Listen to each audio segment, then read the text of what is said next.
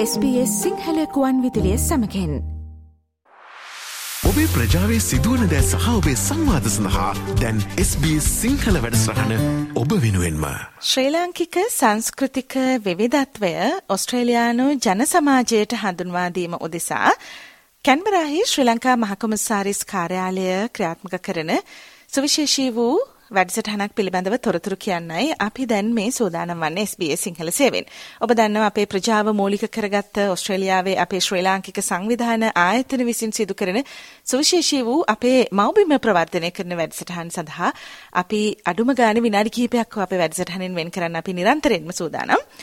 වර්ෂ කිහිපයක් තිස්සේම කැන්බරාහි ශ්‍රී ලංකා මහකොමසාරිස් කාර්යාලය ශ්‍රී ලංකා ෆෙස්ටිවල් පවත්වනවා ශ්‍රී ලාංකික සංස්කෘතික විවිධත්වය ඔස්ට්‍රේලියානු ජන සමාජයට හඳුන්වා දීමේ අරමුණ පෙරදරි කරගෙන. ඔබ දන්නවා ශ්‍රී ලාංකික ආහාරපාන, සූපශාස්ත්‍ර ක්‍රම, දේශීය වෛද්‍ය ක්‍රම, නර්තන, චිත්‍ර මේ හැම සංස්කෘතික අංගයකම යම් සුවිශේෂීත්වයක් තියෙනවා. ඉතින් මේවා අපේ ඔස්ට්‍රේලියානු ජන සමාජයට හඳුන්වා දීම මෙවරත් මූලික කරගෙන ශ්‍රී ලංකා ෆෙස්ටිවල් සූදානම් වෙලා තියෙනවා. අපේ සංස්කෘතික විවිධත්වය ඔස්ට්‍රේලියානු ජන සමාජයට හඳුන්වා දෙන්න මේ 2024 වර්ෂයේදීත්. ඉතින් මෙය සුපුරුදු පරිදි සංවිධානය කරන්නේ කැන්බරාහි ශ්‍රී ලංකා මහ කොමසාරිස් කාර්යාලය. මම දැන් අවස්ථාව ලබා ගන්නවා අපේ ශ්‍රී ලංකා මහ කොමසාරිස්තුමියව සම්බන්ධ කරගෙන ශ්‍රී ලංකා ෆෙස්ටිවල් සඳහා තියෙන සූදානම පිළිබඳව කතා බහ කරන්න. වර්තමාන ශ්‍රී ලංකා මහ කොමසාරිස්වරිය චිත්‍රාංගනී වාගීස්වර මහත්මිය දැන් අපිත් එක්ක සම්බන්ධ වෙලා සිටින්නේ. ආයුබෝවන් ඔබතුමියට අයිබෝවන් චිත්‍රාංගනි මහත්මිය දැන් ශ්‍රී ලංකා ෆෙස්ටිවල් සඳහා කොහොමද දැන් මේ වෙනකොට තියෙන සූදානම? ඔව් ඇත්තටම දැන් මේ ශ්‍රී ලංකා ෆෙස්ටිවල් 2024 මේ මේ වර්ෂයේ අපි පවත්වන මාර්තු 2 වෙනිදා සෙනසුරාදා මාර්තු 2 වෙනිදා සියලු දෙනාම දන්න පරිදි මේ ෆෙස්ටිවල් එක 2016 පටන් අරන් අවුරුදු 4ක්ම දිගටම පැවැත්තුවා. ඒ වුණත් ඊට පස්සේ කොවිඩ් හින්දා ඒක පවත්වන්න බැරුණා. ඉතින් මේ අවුරුද්දේ අපි කල්පනා කෙරුවා මේක ආයෙත් පටන් ගන්න ඕන කියලා. ඉතින් ඒකයි මාත් දෙවනිදා මේක සංවිධානය කරලා තියෙන්නේ. අපේ ප්‍රධාන අරමුණ තමයි අර ඉස්සලා කියව පරිදි ශ්‍රී ලංකාව හඳුන්වා දෙන්න. මොකද අපි දන්නවා ශ්‍රී ලංකාව සම්බන්ධයෙන් තියෙන ප්‍රතිරූපය සමහර අවස්ථාවල මේට වඩා හොඳ වෙන්න ඕන. විශේෂයෙන් 20 22 අවුරුදු වල තිබ්බේ අපේ ආර්ථික මේ අර්බුදය සම්බන්ධව හුඟා පබ්ලිසිටි ගියා ටීවී වල රේඩියෝ වල හුඟා ලෝක වටේම ඒවා පෙන්නුවා. බොහෝ අවස්ථාවල ඔස්ට්‍රේලියාවෙත් ඒ වගේ දැන් කොහොමද අපිව හම්බ වෙනකොට හුඟක් වෙලාට අහනවා දැන් කොහොමද රට ඒ ප්‍රශ්න නැද්ද ඉතින් අපි අපි ශ්‍රී ලංකිකයන් දන්නවා දැන් අපිට ප්‍රශ්න ඒ ඒ ඒ අවුරුද්දේ අවුරුදු අවුරුදු දෙකේ තිබුණු ප්‍රශ්න දැන් නැහැ. මං කියන්නේ අපේ ලංකාව සම්පූර්ණයෙන් දැන් මේ මේ ඒ ප්‍රශ්න වෙනින් වෙනින් ආර්ථික ප්‍රශ්න තියෙනවා. ඒව තිබුණට රට සාමාන්‍යයෙන් සාමය තියෙනවා. සාමිනිසුන්ට තමාගේ ජීවිතය සාමදානෙන් ගෙන යන්න පුළුවන්.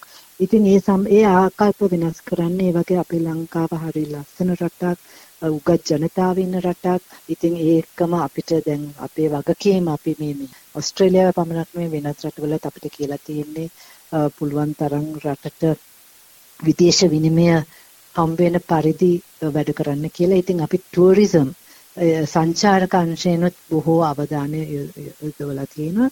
ඉතින් ඒකයි මේ ෆෙස්ටිවල් එක අපි සංවිධානය කරලා තියෙන්නේ. ඔව් මෙවර ශ්‍රී ලංකා ෆෙස්ටිවල් පැවැත්වෙන්නේ සුපුරුදු පරිදි ශ්‍රී ලංකා මහකොමසාරිස් කාර්යාල පරිශ්‍රයේදීම තමයි.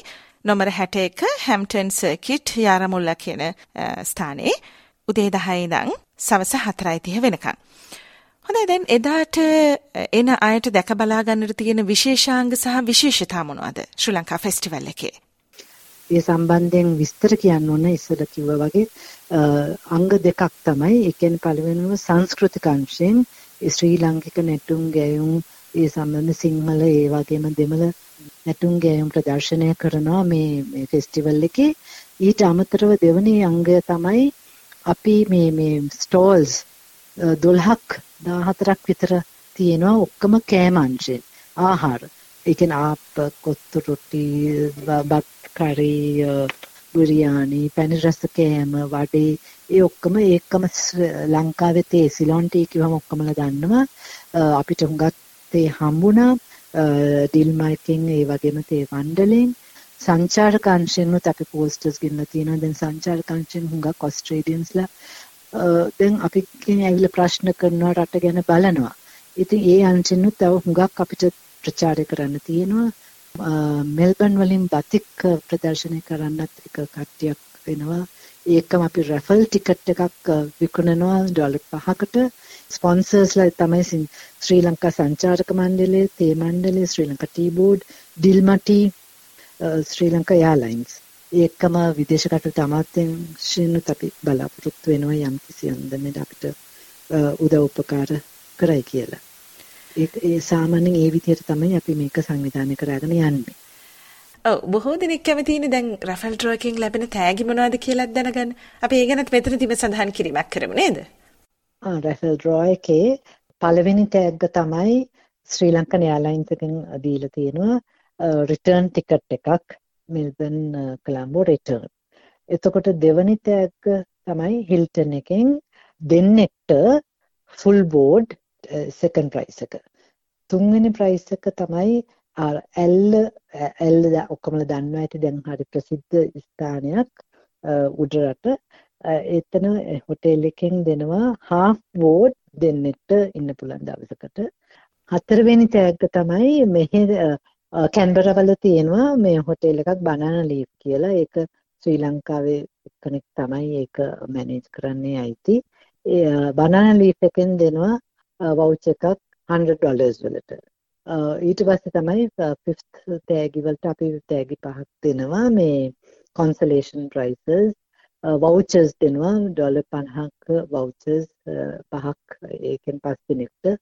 ඒ ඒ ටික තමයි මේ රැෆල් ඩ්‍රෝ එකේ තෑගි ටික. හොඳයි. අපි දැන් මේ කතා බහ කරමින් සිටින්නේ මාර්තු මාසයේ දෙවනිදා කැන්බරාහිදී පැවැත්වෙන ශ්‍රී ලංකා ෆෙස්ටිවල් 2024 පිළිබඳවයි. සුපුරුදු පරිදි මේ අවස්ථාව සංවිධානය කරන්නේ කැන්බරාහි ශ්‍රී ලංකා මහකොමසාරිස් කාර්යාලය. චිත්‍රාංගනි වාගීශ්වර ශ්‍රී ලංකා මහකොමසාරිස්වරිය තමයි දැන් මේ තොරතුරු කියන අපිට එක්ක සම්බන්ධ වෙලා සිටින්නේ. දැන් මේ ඔබතුමිය දැන් වසරක විතර කාලයක් වෙනවා තාම අපේ ජන සමාජයට ආමන්ත්‍රණය කරන්න මම දන්න විදිහට ඔබට මාධ්‍යයකින් අවස්ථාවක් ලැබිලත් නැහැ.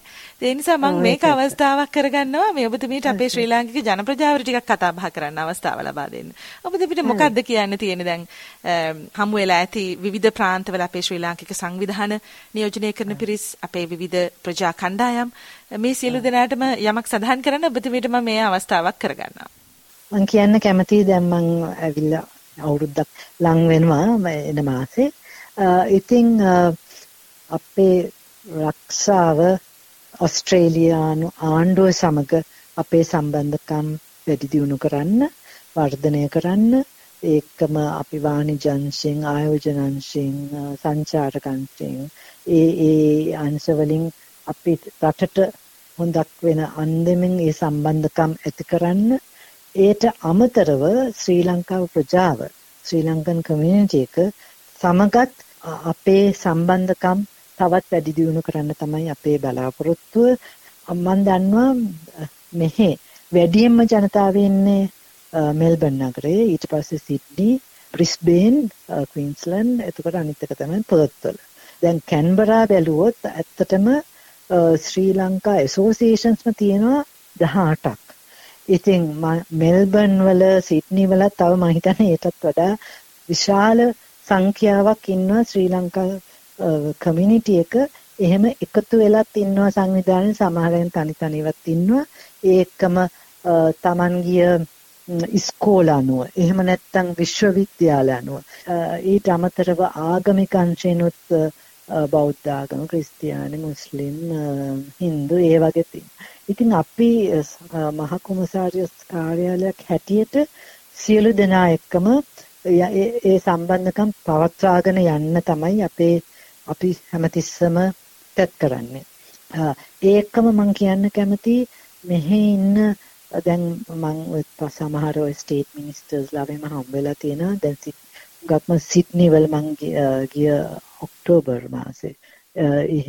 සිඩ්නි වලට ගිහිල්ලා ස්ටේට් මිනිස්ටර් ඒ මිනිස්ටර් කිව්වා මට ස්ටේට් මිනිස්ටර් ෆොර් මල්ටිකල්චර්. එයා කිව්වා අත්තට අපි එයා හරි කැමතියි කියලා අපි ශ්‍රී ලංකයන් ජාතික මොකද අපි ශ්‍රී ලංකික ජාතික හුඟක් උගත් ඒකම හරි සොෆිස්ටිකේටඩ්.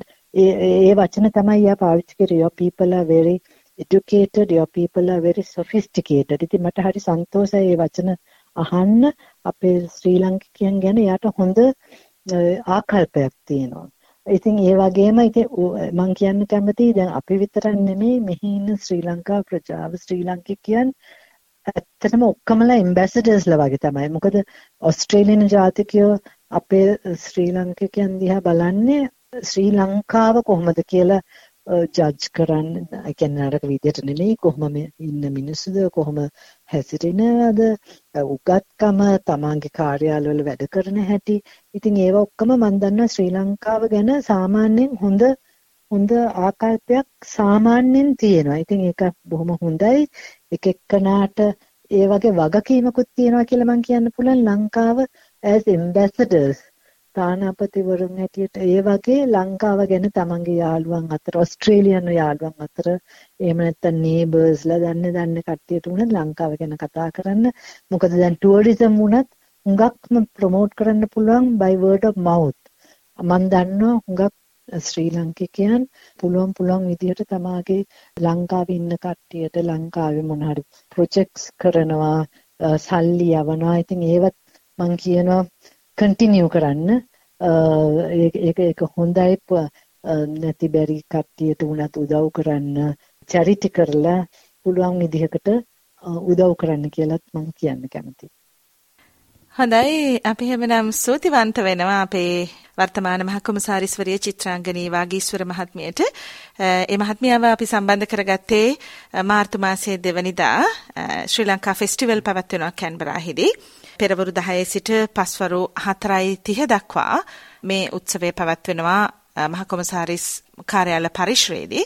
ඉතින් ශ්‍රී ලාංකික සංවිධාන බොහොමයක් සම්බන්ධ වෙන ශ්‍රී ලාංකික සංස්කෘතිකත්වය ඕස්ට්‍රේලියානු ජන සමාජයට විඳගන්නට දැනගන්නට අවස්ථාවක් ලැබෙනවා. මේ ශ්‍රී ලංකා ෆෙස්ටිවල් හරහා ඒ පිළිබඳව තොරතුරු කියන්නයි අපි ශ්‍රී ලංකා මහ කොමසාරිස්වරිය චිත්‍රාංගනි වාගීස්වර මහත්මිය අපගේ SBS සිංහල සේවයට සම්බන්ධ කරගත්තේ. ඒ වගේම අපි පුංචි අවස්ථාවකුත් ලබා ගත්තා. ඒ මහත්මිය සමගින් අපේ ජනතාවට එතුමියට කතා බහ කරන්න අවස්ථාවක් ලබා දෙන්නටත් මේ සාකච්ඡාව අතරතුරේදී. එහෙමනම් වාගීස්වර මහත්මිය බොහොම ස්තුතියි SBS සිංහල සේවයට කතා බහ කරන්න සම්බන්ධ වුණාට. හරි දිල්රුක්ෂ බොහොම ස්තුතියි මට තව පොඩි එකක් කියන්න අමතක වුණා මේ මේ මේ උලෙල සම්බන්ධයෙන් මම කියන්න ඕන මේ කැන්බරා ඉන්න සමහර ඇසෝසියේෂන්ස් වලත් අපි පොඩි සබ් කමිටි එකක් දැම්මා. ඉතින් ඊට පස්සේ WhatsApp group එකකුත් දාලා තියෙනවා. ඒගොල්ලන්ගෙන් විශාල සහයෝගයක් සහ අපිට උදව් ලැබෙනවා කියලා. මොකද සමහර ඒවා අපි දන්නේ නැහැ. මොකද අපි ඇවිල්ලා ඉන්නේ මේ මාස ගානක අවුරුද්දක් දෙකක් ඒ වගේ. ඉතින් මෙහි තත්ත්වය මෙහි කන්ටැක්ස් නෙට්වර්කින් ඒව ඔක්කොම විශාල වශයෙන් අපිට මෙහි ඉන්න කමියුනිටි එකත් හුඟක් උදව් කළා මම ඒකන ස්තුතිවන්ත වෙනවා කියලා මට මේ අවස්ථාවේ කියන්න ඕන. බොහොම ස්තුතියි ලුක්ෂි SBS එකටත් මම සම්බන්ධ කරගත්තට. ඔබේ ප්‍රජාවේ සිදුවන දෑ සහ ඔබේ සංවාද සඳහා දැන් SBS සිංහල වැඩසටහන ඔබ වෙනුවෙන්ම. මේ වගේ තවත්තොරතුරු දැනගන්න කැමතිද. එහෙමනම් Apple පොඩ්කාස්ට් Google පොඩ්කාස්ට් ස්පොට් ෆිහෝ ඔබගේ පොඩ්කාස්ට් ලබාගන්න ඕනෑම මාතයකින් අපට සවන්දය හැකේ.